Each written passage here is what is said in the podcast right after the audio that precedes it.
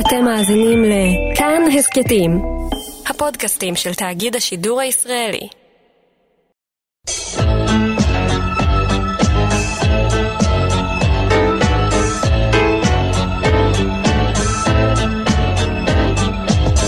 גיבור תרבות הדוקטור דן הרב והדוקטור דוד גורביץ' באולפן עם יונתן גת.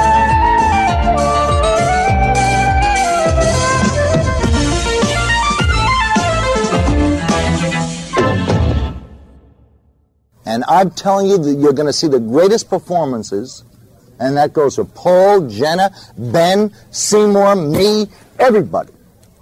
And I'm sick. I'm sick that this is such a little sissy town that they will only go to see something that is going to be successful, that a corporation says is great. And I'm telling you, we have something so much better, so wonderful, that you are just privileged to see this movie.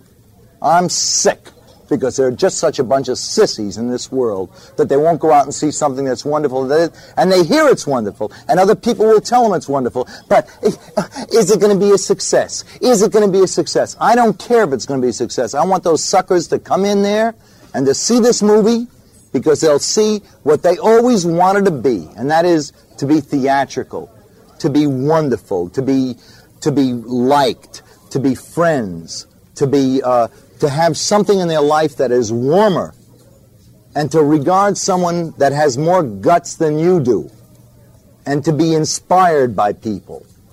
And I'm not ashamed of it. I, I really hate this nonsense. Kill somebody, shoot him in the head, the blood pours out. Isn't that wonderful? I hate it. I hate it.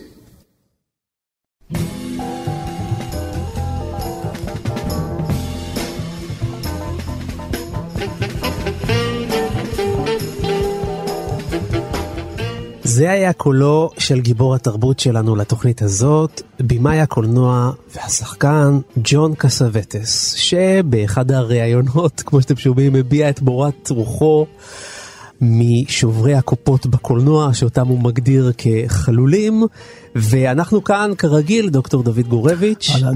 דוקטור דן הרב. וואו, איזה פתיחה, יונתן, אהלן.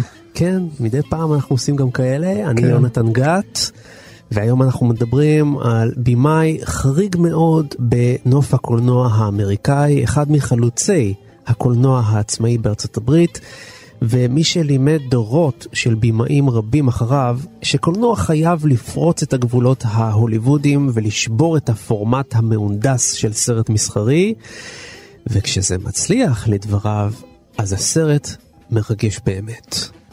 כן, יונתן, אני לא יודע מאיזה שנה הטקסט הזה או הרעיון הזה. אמצע אבל- שנות ה-70. אמצע שנות ה-70. תראה כמה הדבר הזה הוא בעצם נבואי, הוא מדבר על שלטון התאגידים, הוא מדבר על הנהייה שלנו אחר הצלחות מסחריות, כבר בשנות ה-70. אני חושב שהיום הדברים שלו מהדהדים פי כמה וכמה בעוצמה עצומה. כמה אין לנו מקום לאלטרנטיבה. כמה אנחנו לא נותנים מקום לניסוי, לתהייה, ל... ל... לחיפוש הדרך, הייתי אומר, ולמחשבה שקולנוע ישיר וקולנוע פשוט ועיסוק בחייהם של אנשים רגילים, יכול להיות בסיס לאומנות גדולה מאוד בקולנוע, שהיא לא רק של המצקצקים בלשונם, האיסטניסים, אומנות גדולה שכן יכולה לפנות לרבים וכן יכולה אה, ליצור אצלם אה, הנאה, סיפוק, מחשבה חדשה אודות חייהם שלהם. טוב, נדבר על זה, איזה פתיחה, יונתן. דוד? כן, אה, ג'ון גסווטס, המפגש איתו הוא באמת מרגש, משום שהקולנוע שלו לא נותן לצופה מנוח. לא נותן לו ליהנות מצוינת, שעתיים, כן. שעתיים אה, מול המסך, ואחר כך לצאת עם איזשהו מסר לחיים שבו הבין עיקל והגיבור יחד איתו. אני חושב שהקולנוע של אה, ג'ון קסווטס הוא קולנוע אלים ופיוטי. הוא אלים במובן שכל מי שחוזר רק בעשר דקות של סרט של ג'קון קסווטס רואה התרוצצות עצומה מול העיניים שלו בקלוז אפ שמטריד אותו. אין את הריחוק ואת הצילום של מצלמה שמנסה להחביא את עצמה ולתת תחושה שזה החיים עצמם. זה לא החיים עצמם, זאת ההגזמה של החיים. זה כמו שהוא אמר, בדברים שהבאת, ההחצנה התיאטרלית של רגשות שמביאים אותם לידי שוטים עצבניים למצלמה שקופצת לסרט גרעיני שבעצם, הייתי אומר, אה, טורד את מנוחתו של הצופה ומחייב אותו לקבוע עמדה. עמדה פוליטית, עמדה רגשית, ובמיוחד עמדה לגבי השאלה מה הוא יעשה עם החיים שלו. זה לא מעט. ג'ון קסווטס נולד בשנת 1929 בניו יורק למשפחה ממוצא יווני. הוא למד ב-American Academy of Dramatic Arts, ושם, בגיל 21, פגש את אשתו לעתיד, השחקנית ג'ינה רולנדס. שנה מאוחר יותר כבר החל להופיע בתפקידים קטנים בסרטים, שעליהם לא קיבל קרדיט. אבל בהמשך הופיע בסדרות טלוויזיה נחשבות, בין היתר גם בסדרה המפורסמת של אלפרד היצ'קוק, Alfred Hitchcock Presents. ב-1958 ביים את סרטו הראשון שלו, צללים, ומאז ועד יום מותו ביים סך הכל 12 סרטים והופיע בכ-80 סרטים וסדרות. הוא היה במאי שעבד עם צוות שחקנים קבוע, בן גזארה, פיטר פלק, סימור קאסל, וכמובן ג'ינה רולנדס, אשתו, שהופיע בשבעה סרטים שביים וגם שיחקה לצידו בשלושה סרטים נוספים. אגב, קסווטס הוא הבמאי היחיד בהיסטוריה עד היום שהוביל את אשתו לשתי מועמדויות לאוסקר על משחק בתפקיד הראשי. הוא בעצמו היה מועמד שלוש פעמים לפרס עבור משחק, תסריט ובימוי. כדי לממן את ההפקות של סרטיו הוא המשיך לעבוד כשחקן בסרטים ובסדרות טלוויזיה, ובין היתר לפרנסתו הוא ביים פרק אחד בסדרה המפורסמת קולומבו, שגם כיכב בה כרוצח מול הבלש שאותו מגלם פיטר פלק שאיתו עבד שנים רבות. אגב, הקדשנו פרק לקולומבו, אנחנו מוזמנים להאזין. לקראת סוף חייו, קסווטס מצא את עצמו ללא יכולת לגייס מימון לסרטיו הבאים, ומי שנרתמו להפיק את סרטו, זרמי האהבה, היו לא פחות ולא יותר מנחם גולן ויורם גלובוס הישראלים, שבאותה עת היו מנהלי חברת קנון.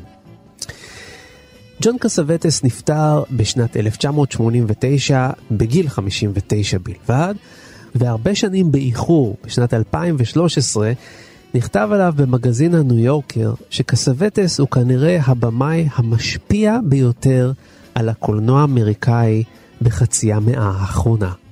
ועוד דבר נוסף, באחד הראיונות קסווטס נשאל כיצד הוא בוחר את הלוקיישנים לצילומים שלו. הוא ענה, הלוקיישן הקולנועי הטוב ביותר בעולם נמצא תמיד במקום אחד, הפנים האנושיות.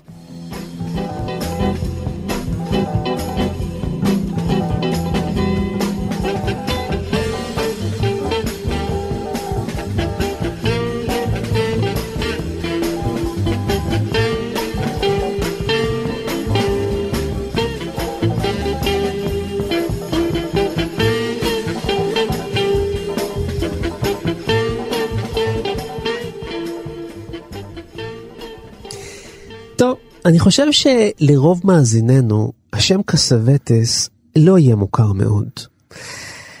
אז בשביל זה אנחנו פה. אה, אחת הסיבות לעובדה שהשם שלו לא מאוד מוכר בכל בית, היא ההתעקשות שלו, שראויה מאוד להערכה. ההתעקשות לא לפעול באותה שבלונה של קולנוע מסחרי. זה אומר שהסרט לא מבקש לפעול על פי הפורמט האמריקאי העשוי היטב כביכול. הסרט לא מבוצע על פי הנוסחה המדודה שמציגה בפניך את הגיבורים, ואחר כך מציבה לך דילמה, ואחר כך הקונפליקט, ובסופו של דבר מאפשרת לך התפרקות יחד עם הגיבור והקתרזיס המתבקש. קסווטס מחלק את הסרטים שלו לגמרי אחרת. הוא מתמקד בגיבורים לפעמים לאורך כל הסרט. הוא לא מציג את אותה דילמה אה, מהסרט, ולפעמים היא, היא כן מוצגת, אבל בצורה זניחה. היא קיימת, אבל היא לאו דווקא מניעה את העלילה. מה שמניע את העלילה, זו דווקא האישיות של השחקנים. האופי, הכריזמה של השחקן, הדיאלוג שלו עם בן או בת הזוג לשיח. זה נכון גם לגבי המבע הקולנועי שלו. אנחנו רואים שוטים ארוכים מאוד. לפעמים זוויות צילום מיוחדות שיכולות להיתקע על פניו של המצולם זמן ארוך מאוד. הדיאלוגים הם לאו דווקא כאלה שחותרים להנעת הסיפור קדימה. כל אלה נראים היום דבר מאוד חריג. כן, אני חושב שבצדק אפשר להבין מדוע קסווטס הוא לא אותו אומן שמכירים אותו מגיל אפס. מפני שאם אנחנו משווים אותו לבמאים הגדולים שבאו בקולנוע עצמאי אחריו, שהוא האבא המייסד שלהם, נניח סקורסיזה, נניח אה, בדור של קופולה, נניח אפילו מייק ניקולס באותם שנים, נכון. ואחרים, כלומר במאי שנות ה-60, 70, שזה בעצם הדור טיפה אחרי אה, קסווטס, אז אנחנו רואים שגם הניסיוניים שבסרטים שלה, הראשונים של, אה, של סקורסזה ושל, ושל קופולה, הם עדיין יחסית שמרניים mm-hmm. לעומת ההמצאתיות, הנועזות והמוכנות לקחת סיכונים של ג'ון קתווטס.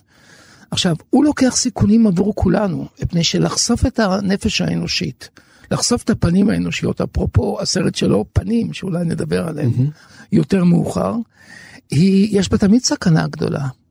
תמיד יש סכנה גדולה באקסטרים קלוז-אפ. וזה מה שהוא עושה הרבה מאוד פעמים. extreme close-up, כשהפנים, ואפילו העיניים, ואפילו חלק מהפנים נמרחות, והבן נמצא ברגע של תשוקה, או אובדן, או התמוטטות, או איבוד שליטה, או התרגשות של אהבה.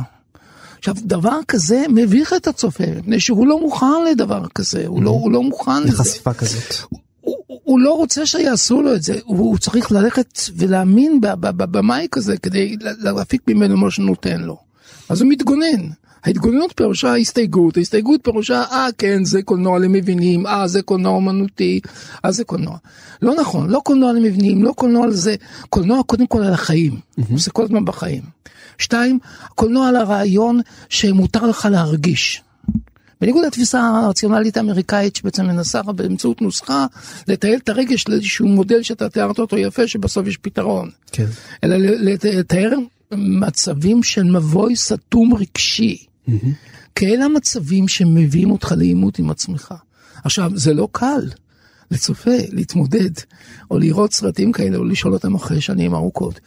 כל היתרונות האלה הם גם מבחינת הצופה השמרני, גם חסרונות. אבל אם אותו צופה מוכן טיפה ללכת עוד מייל אחד קדימה לקראת במאי כזה. הוא יגלה עולם מדהים מבחינה רגשית, ועולם שיגע לו בנשמה. אין הרבה במאים שאתה יכול להגיד שהם נוגעים בנשמה. אני יודע, טרנס מאליק נוגע בנשמה, והקולנוע שלו גם הוא קולנוע מאוד מרגש, הוא קולנוע מיתי, מיתולוגי, גם הקולנוע של קסווטס הוא פיוטי, מיתי, אלים ומיתולוגי.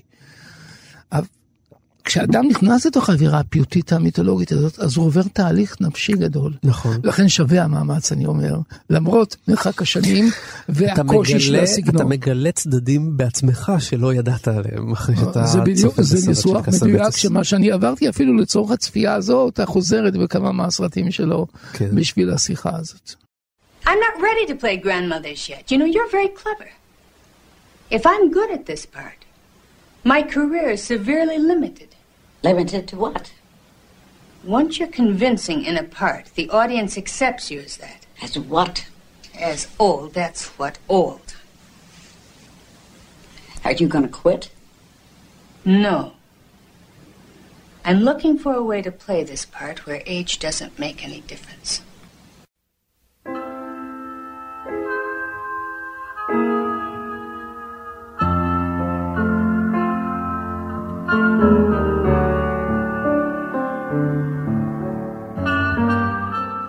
אתם זוכרים, בליל בכורה. סרט שבעצם מפגיש את קסווטס ואת אשתו בתפקיד של שחקנים שהם בעצם זוג. זה, לא, זה, ש, לא, ש, אני ש, מבקש מהמאזינים שלנו שיעקבו אחרי הסדר, תקשיבו טוב. ג'ון קסווטס ואשתו שהם שחקנים, הם משחקים בסרט על שחקנים נכון. שמשחקים בהצגה שעוסקת בבעל ואישה. נכון מאוד. והם בעל ואישה בחיים, אנחנו עוברים כאן ארבעה שלבים. לגמרי. תראו כמה זה נוגע במציאות. לגמרי. כמה זה נוגע, כמה כמעט אין שום פער. לא רגע, מצד אחד אין פער במציאות, מצד שני יש אין סוף פערים, כי זה ארבע פעמים של ייצוג של אותו דבר עצמו. כן. אבל זה נפגש, אבל בסוף זה נפגש. נכון, זה כן. נפגש, זה כאילו הכי קרוב שיש והכי אינסופי. כן. הנקודה שרציתי סליחה. להדגיש, אין בעיה, הנקודה שרציתי להדגיש זה שזה, הסרט מתחיל בתיאור של המקצועות שלהם, אנחנו מבינים שהוא הגבר, קסווטס, הדמות, והגיבור, והשחקן, הזה הוא בעצם צלם. הוא צלם דוקומנטרי, הוא צלם שמצלם דיוקנאות. אשתו, אה, בתפקיד, בחיים, על הבמה וכן הלאה, היא שחקנית. היא שחקנית, היא באה מעולם אחר. הוא בא מהעולם של האמונה בריאליה, נקרא לזה ככה. האמונה בכך, והוא גם אומר את זה און קאמרה, אני מאמין שלאנשים רגילים יש סיפורים מעניינים. מה זה אם לא הצהרת כוונות של יוצר גדול, שהוא שם בפה של הדמות, שאגב, הוא הדמות כמו שאמרנו, הוא הדמות, הוא השחקן, הוא הבן אדם, הוא היוצר. נכון. והיא באה ממקום אחר. היא אמורה לשחק איזשהו תפקיד, היא אמורה ליצור איזושהי פיקציה, היא אמורה ליצור איזושהי אה, אשליה. וזה המפגש הדרמטי שקסווטס מייצר לנגד עינינו בסרט הזה באופן הכי הכי ברור בעיניי, וגם בכל הסרטים האחרים. ולדעתי, אם אתם שואלים אותי מה מעניין את קסווטס, זה קודם כל שאלת האותנטיות. מה זאת אותנטיות? מה זה, איפה נמצאת אמת? האם יש אמת? זאת, זאת דעתי, אפשר להגיד שזאת שאלה קוסמית, זאת שאלה גדולה שכל הקולנוע מתעסק בה, כל האומנות מתעסקת בה. אני חושב שקסווטס מתעסק בה ברצינות, כן? הוא מחפש את האמת בפנים האנושיות. ואחת היא, אם הפנים האלה הם פנים של הומלס, הם פנים של, של צלם דוקומנטרי, או של שחקנית שמגלמת עכשיו דמות. היא לא פחות אמיתית, לצורך העניין, נכון. מכל דבר אחר. אני חושב שהדבר הזה הוא נועז, כשאנחנו מדברים על הקולנוע האמריקאי, שתמיד נצרך לאיזשהו גורם מבחוץ, כמו שאתה אמרת, קראת לזה, יונתן, בתחילת הדברים. איזשהו אירוע מכונן, איזושהי דרמה חיצונית, mm-hmm. איזשהו משהו שמובא לחייהם של אנשים שיכולים להיות רגילים, אבל בדרך כלל הם אנשים גדולים מהחיים, ואמור לטלטל את עולמם. זה לא המקרה של קסווטס, הטלטלה היא פנימית, הטלטלה נובעת מתוך החיים היומיומיים. לגמרי. שכשבמיטבם, מין יוצר כמו קסווטס, אתה מבין שהחיים היומיומיים הם דרמטיים לא פחות. הבנאליה היא מרתקת לא פחות. מהדרמה המאולצת או המזויפת שלפעמים אנחנו נכרחים אחריה או נענים לה. Look, I. I'm sorry. I'm a very foolish woman, and I. This is very embarrassing. It's just that. I was just. I was just floating around.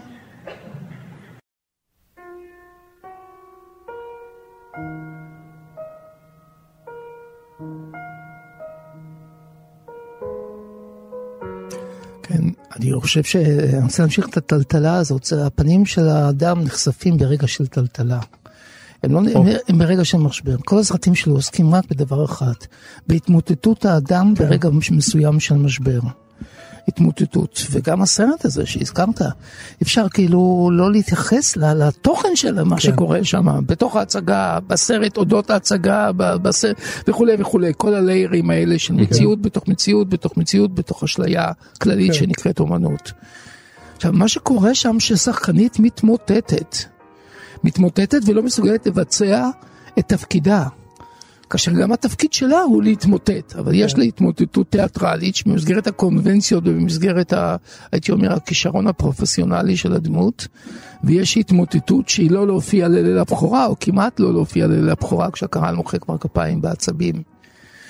זה כאילו סרט שהוא כאילו ריאליסטי במובן מסוים שהוא כאילו שחקנים שמכפילים את עצמם בכל אין סוף הדברים ומצד שני הוא עוסק בדבר אחד איך מתרגמים את החוויה הקשה של המשבר מהחיים אל המשבר של הדמות והמשבר של התיאטרון? וזאת היא בעצם הדילמה המפורסמת של השיטה הניו יורקית או השיטה הרוסית. זאת אומרת אותה, איך אתה מביא את המשבר האישי שלך לתוך המשבר של הקולנוע עושה את זה טוב ועדיין שומר על הגבולות בין שני המשברים האלה. כי אם אתה לא שומר על הגבולות וזה מה שקורה בסרט יש התמוטטות יש קריסה יש קריסה ויש מצב של, של טירוף בעצם. אז המצבים האלה מעניינים את, את אה, ז'אן קסבט. אמריקה לא מאמינה בטירוף. הוא מראה מטורפים בתוך הסרטים שלו, הוא מראה טירוף, טירוף של אישה, אישה תחת השפעה, בעיירה קטנה, והתגובות של הסביבה על הדברים האלה. עם הקהילה התומכת ועם הקהילה המתעניינת ועם הקהילה המרכלת על אותו עניין עצמו. הוא מראה גבר בגיל העמידה, גיל איש עסקים בפייסס, בפנים, שאין לו כבר עניין באשתו, כבר 14 שנה הם לא מקיימים יחסי מין. אבל היא עדיין ממשיכה להכין לו ארוחת ערב כשהוא בא, אחרי שהוא מבלה עם נערות בבר וכיוצא בזה. הוא מדבר על קריסת מערכות וניסיון כאילו לעבור איזושהי פסיכואנליזה או איזושהי שיחה או איזשהו וידוי, וגם זאת מסורת אמריקאית. מה עם אה, אה, מחזה ארוך לתוך הלילה של יוג'ין אוניל? מה עם טנסי וויליאמס וחשמלית ושמה תשוקה? הרי הס- הסצנה ב... הוא לא יש מאין, הייתי אומר. הוא הכי עמוק מתואם בתוך המסורת האמריקאית. מה עם אה, בלאנש דיבואה, הגיבורה של חשמלית ושמה תשוקה, שגם דעתה נטרפת כאשר היא עוברת סדרה של התעללויות מסטנלי קובלסקי, כן. מרלון ברנדו, והיא בחסות הדוקטור סומכת עליו ומקפלת זרוע והיא יוצאת החוצה לאמבולנס שמחכה לפנות אותה לבית חולים. האם הסצנה הזאת הוא לא מתכתב באישה תחת השפעה? ברור שהוא מתכתב. הוא מתכתב עם מצבים שבו הקולנוע והאומנות האמריקאית הם לא ניסיון ל- להמשיך את החלום ולעשות make-up. זה לא make-up sex פה. פה זה להתמודד עם הכאב, זה לגעת בכאב. ושום צופה לא רוצה לגעת בכאב באופן כללי, אפשר להגיד. כאן, הוא, כשהצופה עושה מאמץ לגעת בכאב, הוא גם מרוויח איזושהי אמת, איזושהי התנקות, איזושהי תחושה טובה יותר עם עצמו. עכשיו, זו התכונה של אמנות גדולה. שככל שהיא מתארת מצב הכי כואב בעולם, לך היא נותנת תחושה של שלווה, של ניקיון, של אמת, של משמעות, ולא רק של אה, מרוץ מטריאליסטי אחרי החלום האמריקאי. Uh, it's not right. Know. You That's are. because I know you.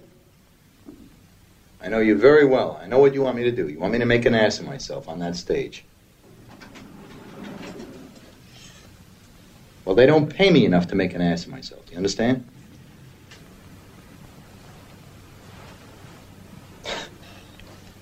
Well, look at this. You don't invite me in. You don't. Don't offer me a cup of coffee, a cigarette.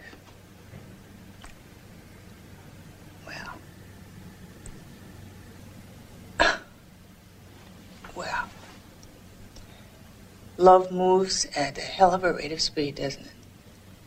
אחד הדברים המעניינים אצל קסווטס זו התחבולה המעניינת שהוא מבצע בדרך העבודה שלו מול המצלמה.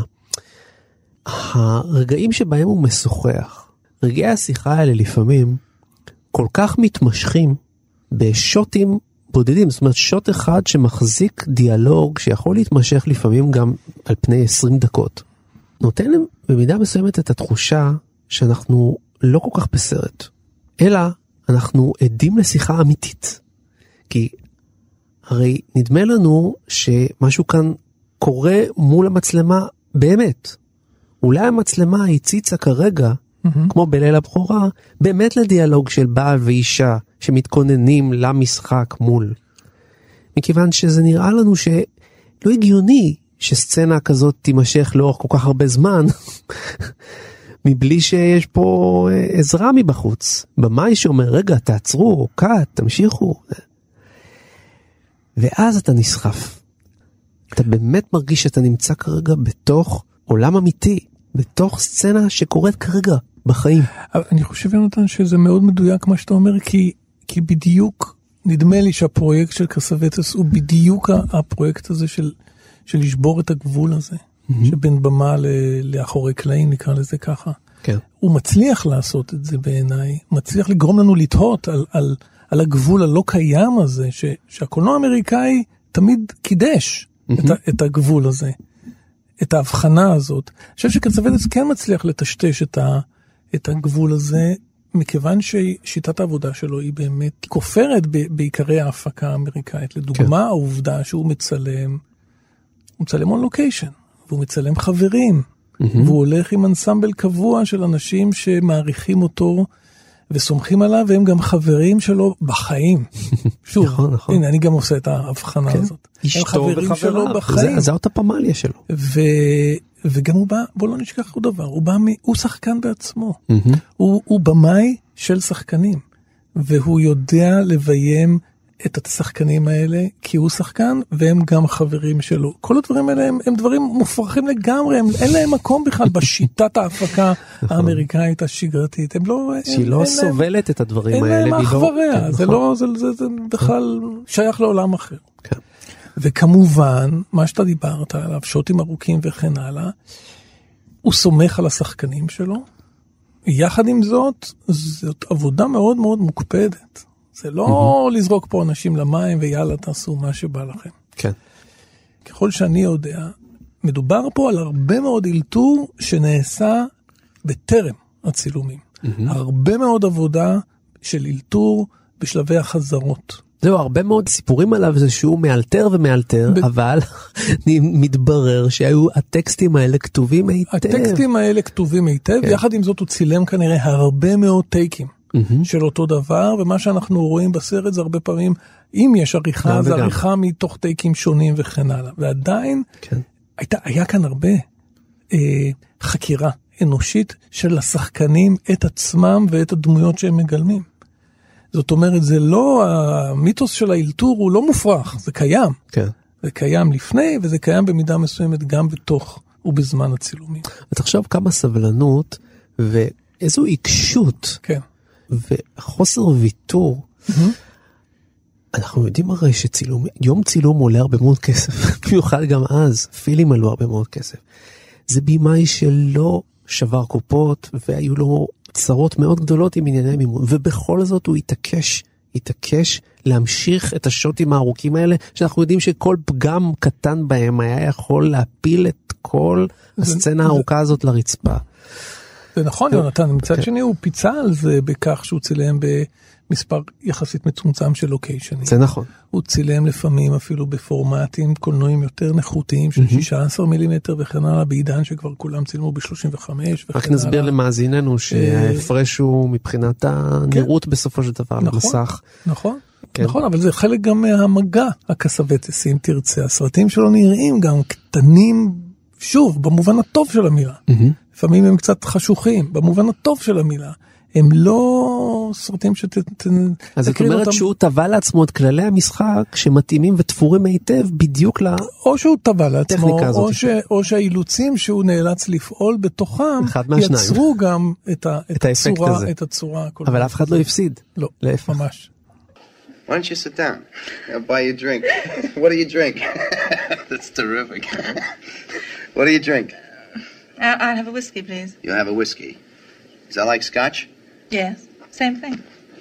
Two scotch. And you're, uh, you, uh, you, uh, you, uh, I don't know what you do. Let's see. You're, uh, gosh, I don't know anything about you. You're, uh, um, you're, uh, let me, just give me an hour and I'll think of it. You're, you're, um, Do you like uh, art, theater, music, language, religion, politics? Oh, no, I don't like politics. What languages do you speak? No, none. None? English, I'm afraid. You understand English. French? No. I'm going to give you a little bit of French. Je le toi que de toi, je le je n'aime toi. Je le toi commence le touche les faux. Je. Sounds awful. What is it? It was so dirty, I can't tell you. you like Italian?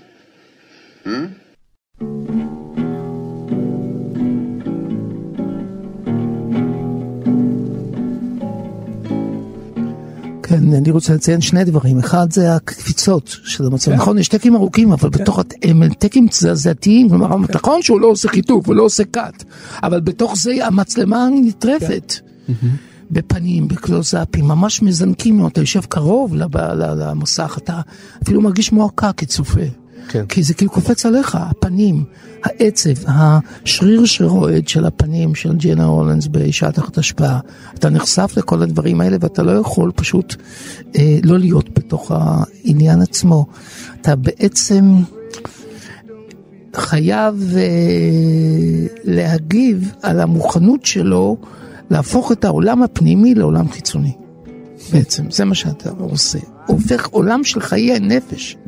זה ההפך מקולנוע של פעולה, שהוא כל כך אופייני לקולנוע האמריקאי. זה ההפך מקולנוע של אפוס, וזה ההפך מקולנוע של סיפור.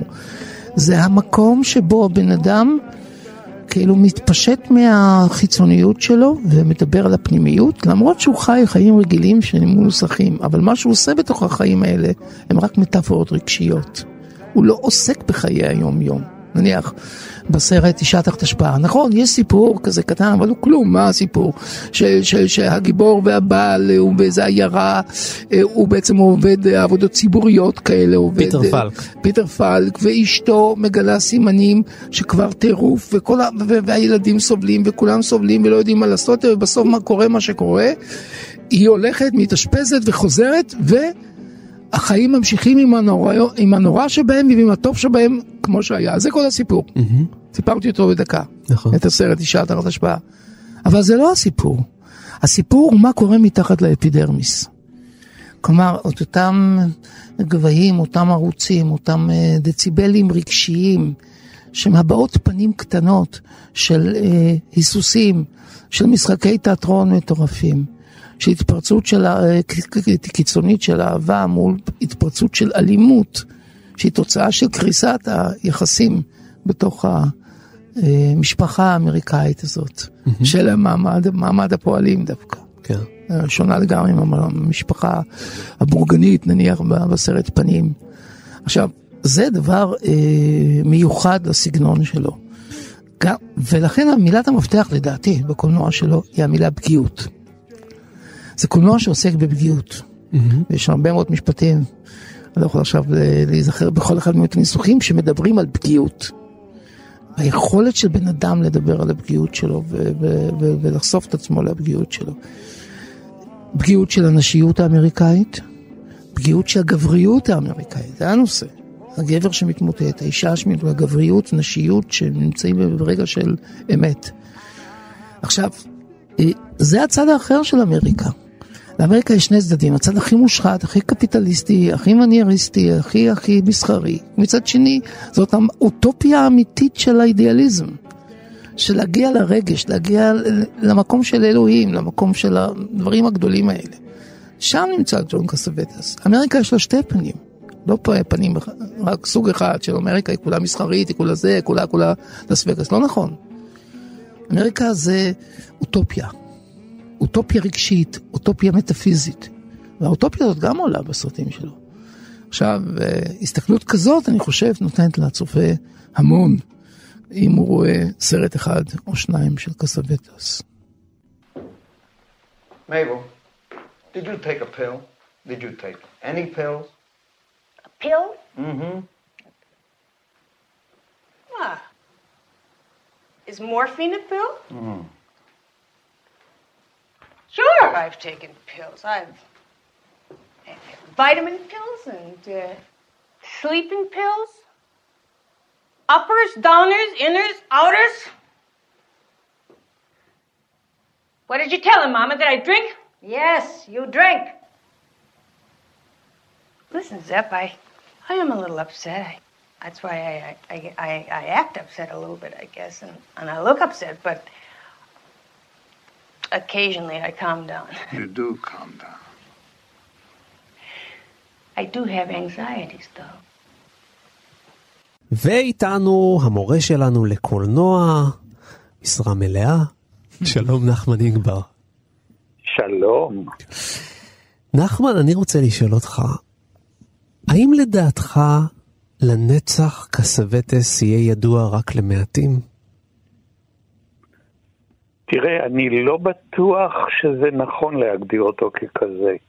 אוקיי. אה, הוא, הוא נע בין המיינסטרים ההוליוודי לבין הקולנוע האישי הייחודי לו. אין ספק שהקולנוע האישי הייחודי לו הוא שהפך אותו לאחד מענקי הקולנוע בהיסטוריה. והקולנוע שלו מוכר לאנשים שמוכנים בעת הצפייה לתת מעצמם ולא רק לחכות להתבדר מטעם הגבורה. כן. ואנשים כאלה הם מטבע הדברים מועטים. סטנדל דיבר על אה, שבעת הקוראים הקבועים שלו, ונדמה לי שגם דן בן אמוץ כן, דיבר ששת. על 15. כן, משהו כזה. אה, מטבע הדברים הם מועטים, אבל אני לא חושב שהם אה, מעטים ממש. אם אתה לוקח את קהל הצופים שלו בעולם, זאת אומרת כולל אירופה, כי הוא במאי אירופי פי אלף יותר מאשר הוא הוליוודי, אה, אני חושב שיש לו קהל אדיר. אני גם יודע כמורה אה, שהקהל של הצעירים מתחבר אליו ביתר קלות אה, זה משמח לשמוע. כן, מאשר למוצר ההוליוודי. אתה יודע הקלאסי. שבאמת בסינמטק תל אביב הציגו לפני שנה רטרוספקטיבה עשירה של כמעט כל סרטיו, ובאמת העולמות היו מפוצצים. כן. אה, אני אה, אזכיר לך שהוא ביקר בישראל, מהמם. והוא עשה מפגש עם הקולנוע הישראלי בסינמטק כן. של אז, של, אה, של מפעל הפיס, של בניין מפעל הפיס, כן. והאולם היה מפוצץ, ואנשים הריעו לו ממושכות. אה, בישראל הוא אהוב, כמעט אפשר לומר יותר, מאשר במולדתו. נחמן, אני רוצה שננסה למקם את אה, קסווטס בתוך ההיסטוריוגרפיה של הקולנוע, כי תמיד מדברים, ודיברנו פה קצת על הקולנוע האמריקאי של שנות ה-60, שפרץ גבולות וכן הלאה, אבל קסווטס בא קודם. קסווטס כבר ב-59, במקביל לגל החדש, מתחיל ליצור את האומנות שלו. 58. 58. אתה הגדרת אותו בתור קולנוען אירופאי יותר מאשר אמריקאי, ומה שאני תוהה זה מה, מה מקורות ההשפעה שאתה חושב שהיו לקסווטס? מאיפה הוא נחל את, אה, מ- את יצירתו? מאיפה, מאיפה הוא הביא את זה? מי היו מקורות ההשראה שלו, ההשפעה שלו? בקולנוע, אולי בכלל, באומנות. קודם כל, הוא יותר איש תיאטרון מאשר איש קולנוע, או לפחות בראשית דרכו הוא היה יותר איש תיאטרון מאשר איש קולנוע. שני דברים מאפיינים אותו כשחקן, שבגללם הוא הפך לאיש קולנוע. מראה חיצוני שמתאים להוליווד, כובש, ולכן כן. הוליווד אהבה אותו, ושחקן אינטנסיבי, נורא אינטנסיבי. מה זה אומר? מהסוג של, זה אומר עם כוח פנימי עמוק. הוא מצליח לשכנע אותך בכל תפקיד שהוא מגלם. אה, אם אתה זוכר את שני הסרטים הכי הכי פופולריים שלו כשחקן, תינוקה של רוזמרי ו-12 הנועזים, הוא יוצר דמויות מאוד מאוד מורכבות, לא פשוטות, אה, כאלה שאתה מפעיל רגשות מורכבים כדי לאהוב אותם, או, או לפחות לחוות אותם, להבין אותם. ולכן הוא נהפך לשחקן קולנוע, אבל הוא בא מן התיאטרון, מקורות ההשראה שלו מן התיאטרון. ולכן מה שעניין אותו בקולנוע זה מקומו של השחקן ביצירה הקולנועית. לא הוא עצמו, אלא השחקן. הוא היה נשוי למי שאני חושב היא השחקנית האמריקאית, לפחות אחת מחמשת השחקניות האמריקאיות הטובות ביותר. אני איתך. לינה רולנד, והיה חשוב לו העניין הזה, ולכן הוא התחיל כמורה למשחק דרך העובדה שהוא לקח מצלמה 16 מילימטר, הוא לקח שחקנים שעבדו איתו, אה, לא מוכרים, בראשית דרכם, כמורה, וצילם אותם באפיזודות שונות בעיר הגדולה, בניו יורק, כשהם עושים אימפרוביזציות. כלומר, שהם מביאים מתוכם רעיונות, תפיסות, אה, סוג של משחק, כדי לתעד מה שחקן יכול לעשות בסרט קולנוע. כלומר, הוא שייך לאותו דור של הגל החדש, כמו שאמרת קודם, במובן הזה שהם חוקרים את הקולנוע וממציאים אותו מחדש, שואלים שאלות על המהות של הקולנוע. הגל החדש הצרפתי שאל שאלות על עריכה, על צילום, וקסווטיס שאל את השאלה לגבי מקומו של השחקן ביצירה. הוא חשב שקולנוע מזוהה עם המילה אמת, והוא שאל את עצמו איפה האמת בקולנוע. והתשובה שלו הייתה אצל השחקן, ולכן הוא, הוא עשה את הסרט הראשון שלו שנקרא צללים. הוא עשה אותו, כפי שאתם יודעים, פעמיים, ב-57 וב-59 הוא שחרר רק את הגרסה של 59, הגרסה שמוצגת אה, מאז בבתי קולנוע, ושם הוא שם דגש על המושג אימפרוביזציה. אין תסריט, אין סיפור, יש סיפור אבל אה, העריכה רשלנית, הצילום לא משמעותי, מה שחשוב זה העבודה של השחקן ומה הוא מביא לקולנוע. אה, קסווטיס חשב שזו האמת, האמת האנושית, האמת החווייתית, האמת הרגשית, שאותה הוא רצה להעביר לצופה. אז הוא מתחיל בניסוי קולנועי והופך את זה לסימן ההיכר שלו. אה, הוא אירופי והוא הוא אפילו הייתי אומר מבשר את הגל החדש, כי שדוז, uh, צללים, שנעשה ב-57, זה רגע לפני הגל החדש. שברול עושה את הסרט הראשון שלו רק ב-58, וגודר וטריפו רק ב-59. כן. והוא שייך לקבוצה הזאת שמשנה את פני הקולנוע. כן, כמובן. אני רוצה לשאול אותך על דבר אחד שלדעתי מרכזי, ומה אתה חושב על זה? על, לדעתי הדבר הכי הכי מקורי בקולנוע של uh, ג'ון קסווטס, זה הנועזות שלו לחשוף רגשות מול המצלמה. האופן המוחצן, הקיצוני, האקספרסיוניסטי אפילו, של הרגשות, שמצולמים בקלוזאפים או בתנועת מצלמה שקופצת מדבר לדבר. האם אתה מסכים שבעצם הפריצת הדרך הזאת של לתת כך רגשות בקולנוע, אין לה אח ודוגמה בקולנוע האמריקאי, גם באנשים שבאו אחריו בקולנוע העצמאי. כן, אין אח ורע אפילו אה, בקולנוע האירופי שכולל את אינגמר ברגמן. אה, תראה, אה, יש קלישאה שאומרת שאומן הוא איש מיוסר, mm-hmm. ואין לי ספק שקסווטיס הוא איש מאוד מאוד מיוסר. ויש לו את היכולת לחשוף את עצמו כמו שאיש לא עשה את זה לפניו. החשיפה של הרגשות הכי קיצוניים והכי פראיים. הוא עושה את זה כמובן הכי טוב בסרט שהוא איננו עליו, אבל כל אחת מהדמויות היא קסווטיס, בין אם משחקת את זה ג'ינה רולנד באישה תחת השפעה, בין אם זה פיטר פוק. זה האישורים שלו, והיכולת שלו לחשוף אותם היא מאוד מאוד קיצונית. אחד הדברים שהזכרת הוא כמובן השימוש במצלמה. אצלו המצלמה היא תיעודית, היא mm-hmm. מתעדת. Mm-hmm. מתעדת את הרגע שבו אתה מתמודד עם הרגשות הכי קשים והכי מורכבים והכי בלתי ניתנים להכלה, והיא מתעדת את הרגע הזה. וכמובן שהיא עושה את זה בעוצמה בלתי רגילה, שדורשת מהקהל כוחות נפש שלא תמיד יש לו. נכון. אתה פגשת אותו? כן, באותו מפגש שהוא ערך בסינמטק mm-hmm. תל אביב. תראה, הוא היה מורה בהשראתו. אמרתי שהוא היה מורה למשחק. כן. והוא בא לקולנוע הישראלי כדי לשכנע אותו, תהיו כמוני. תעשו סרטים ב-40 אלף דולר, כמו שהוא עשה את הסרט הראשון שלו. אה, את, את, אתם יודעים ודאי שהוא אה, השקיע את כל ההכנסות שהוא קיבל מהוליווד אה, בתפקידים כשחקן, mm-hmm. בסרטים שהוא עשה. כן. הסרטים שהוא עשה היו מאוד מאוד זולים. Mm-hmm. הסרטים האלה נעשו בכסף מצומצם, כי מה שהיה חשוב לו יותר מכל זה להיות חופשי. ולהיות חופשי זה חופשי מהשפעות של מפיקים, חופשי מההשפעות של אנשים שיכריחו אותו ללכת בתלם, והסרטים שלו אף פעם לא הלכו בתלם. הם היו שונים, הם היו אחרים, הם היו הרבה הרבה יותר מורכבים. ואת זה הוא רצה להעביר לבמאים הישראלים. Mm-hmm.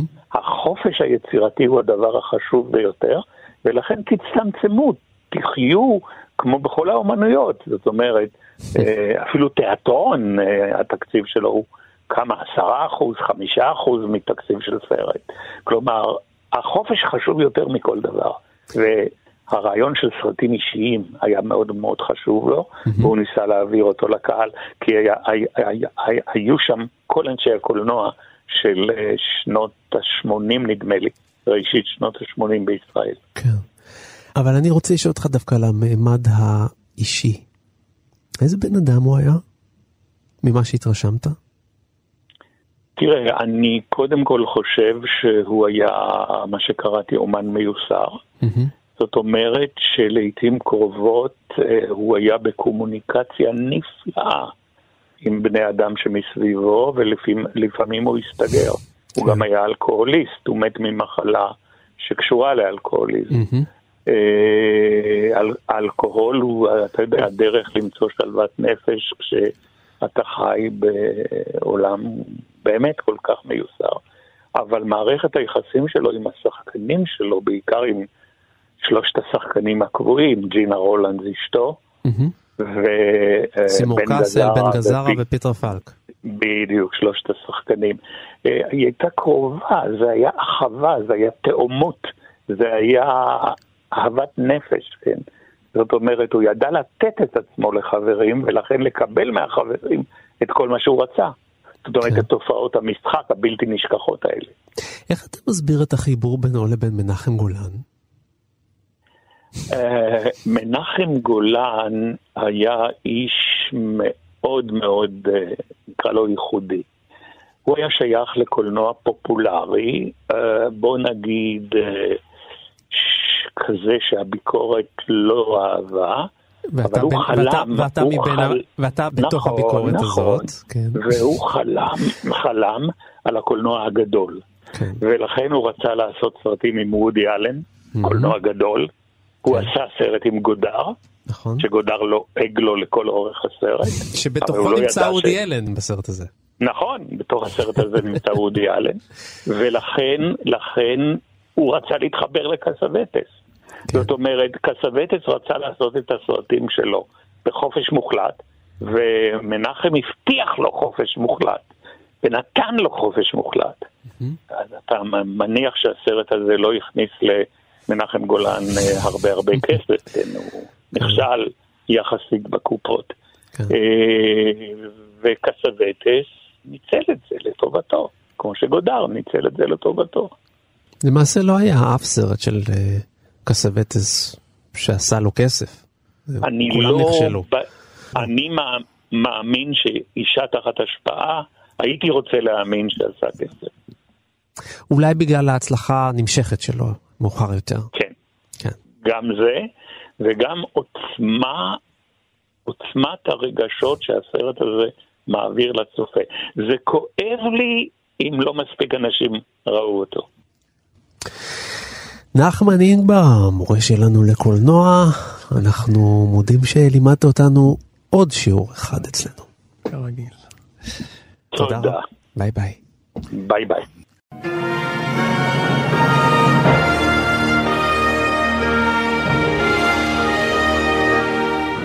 סיימנו, אבל זה לא נגמר פה, כי לגיבור תרבות יש עוד עשרות תוכניות שהקלטנו ושידרנו עד היום, וביניהן על עוד במאי קולנוע רבים, כמו אלפרד היצ'קוק, וודי אלן, אינגמר ברגמן, פדריקו פליני, סטנלי קובריק ועוד הרבה מאוד גיבורים. הכל מחכה לכם באפליקציה של כאן, או כל אפליקציה אחרת שאתם בוחרים, פשוט נכנסים לאזור של גיבור תרבות, וכל הפרקים יחכו לכם שם.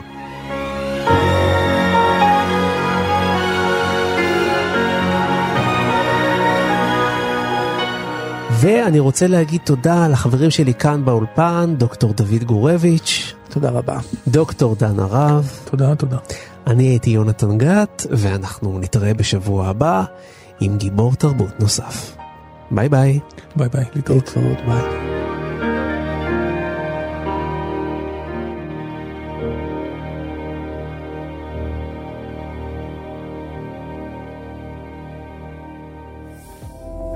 מאזינים לכאן הסכתים, הפודקאסטים של תאגיד השידור הישראלי.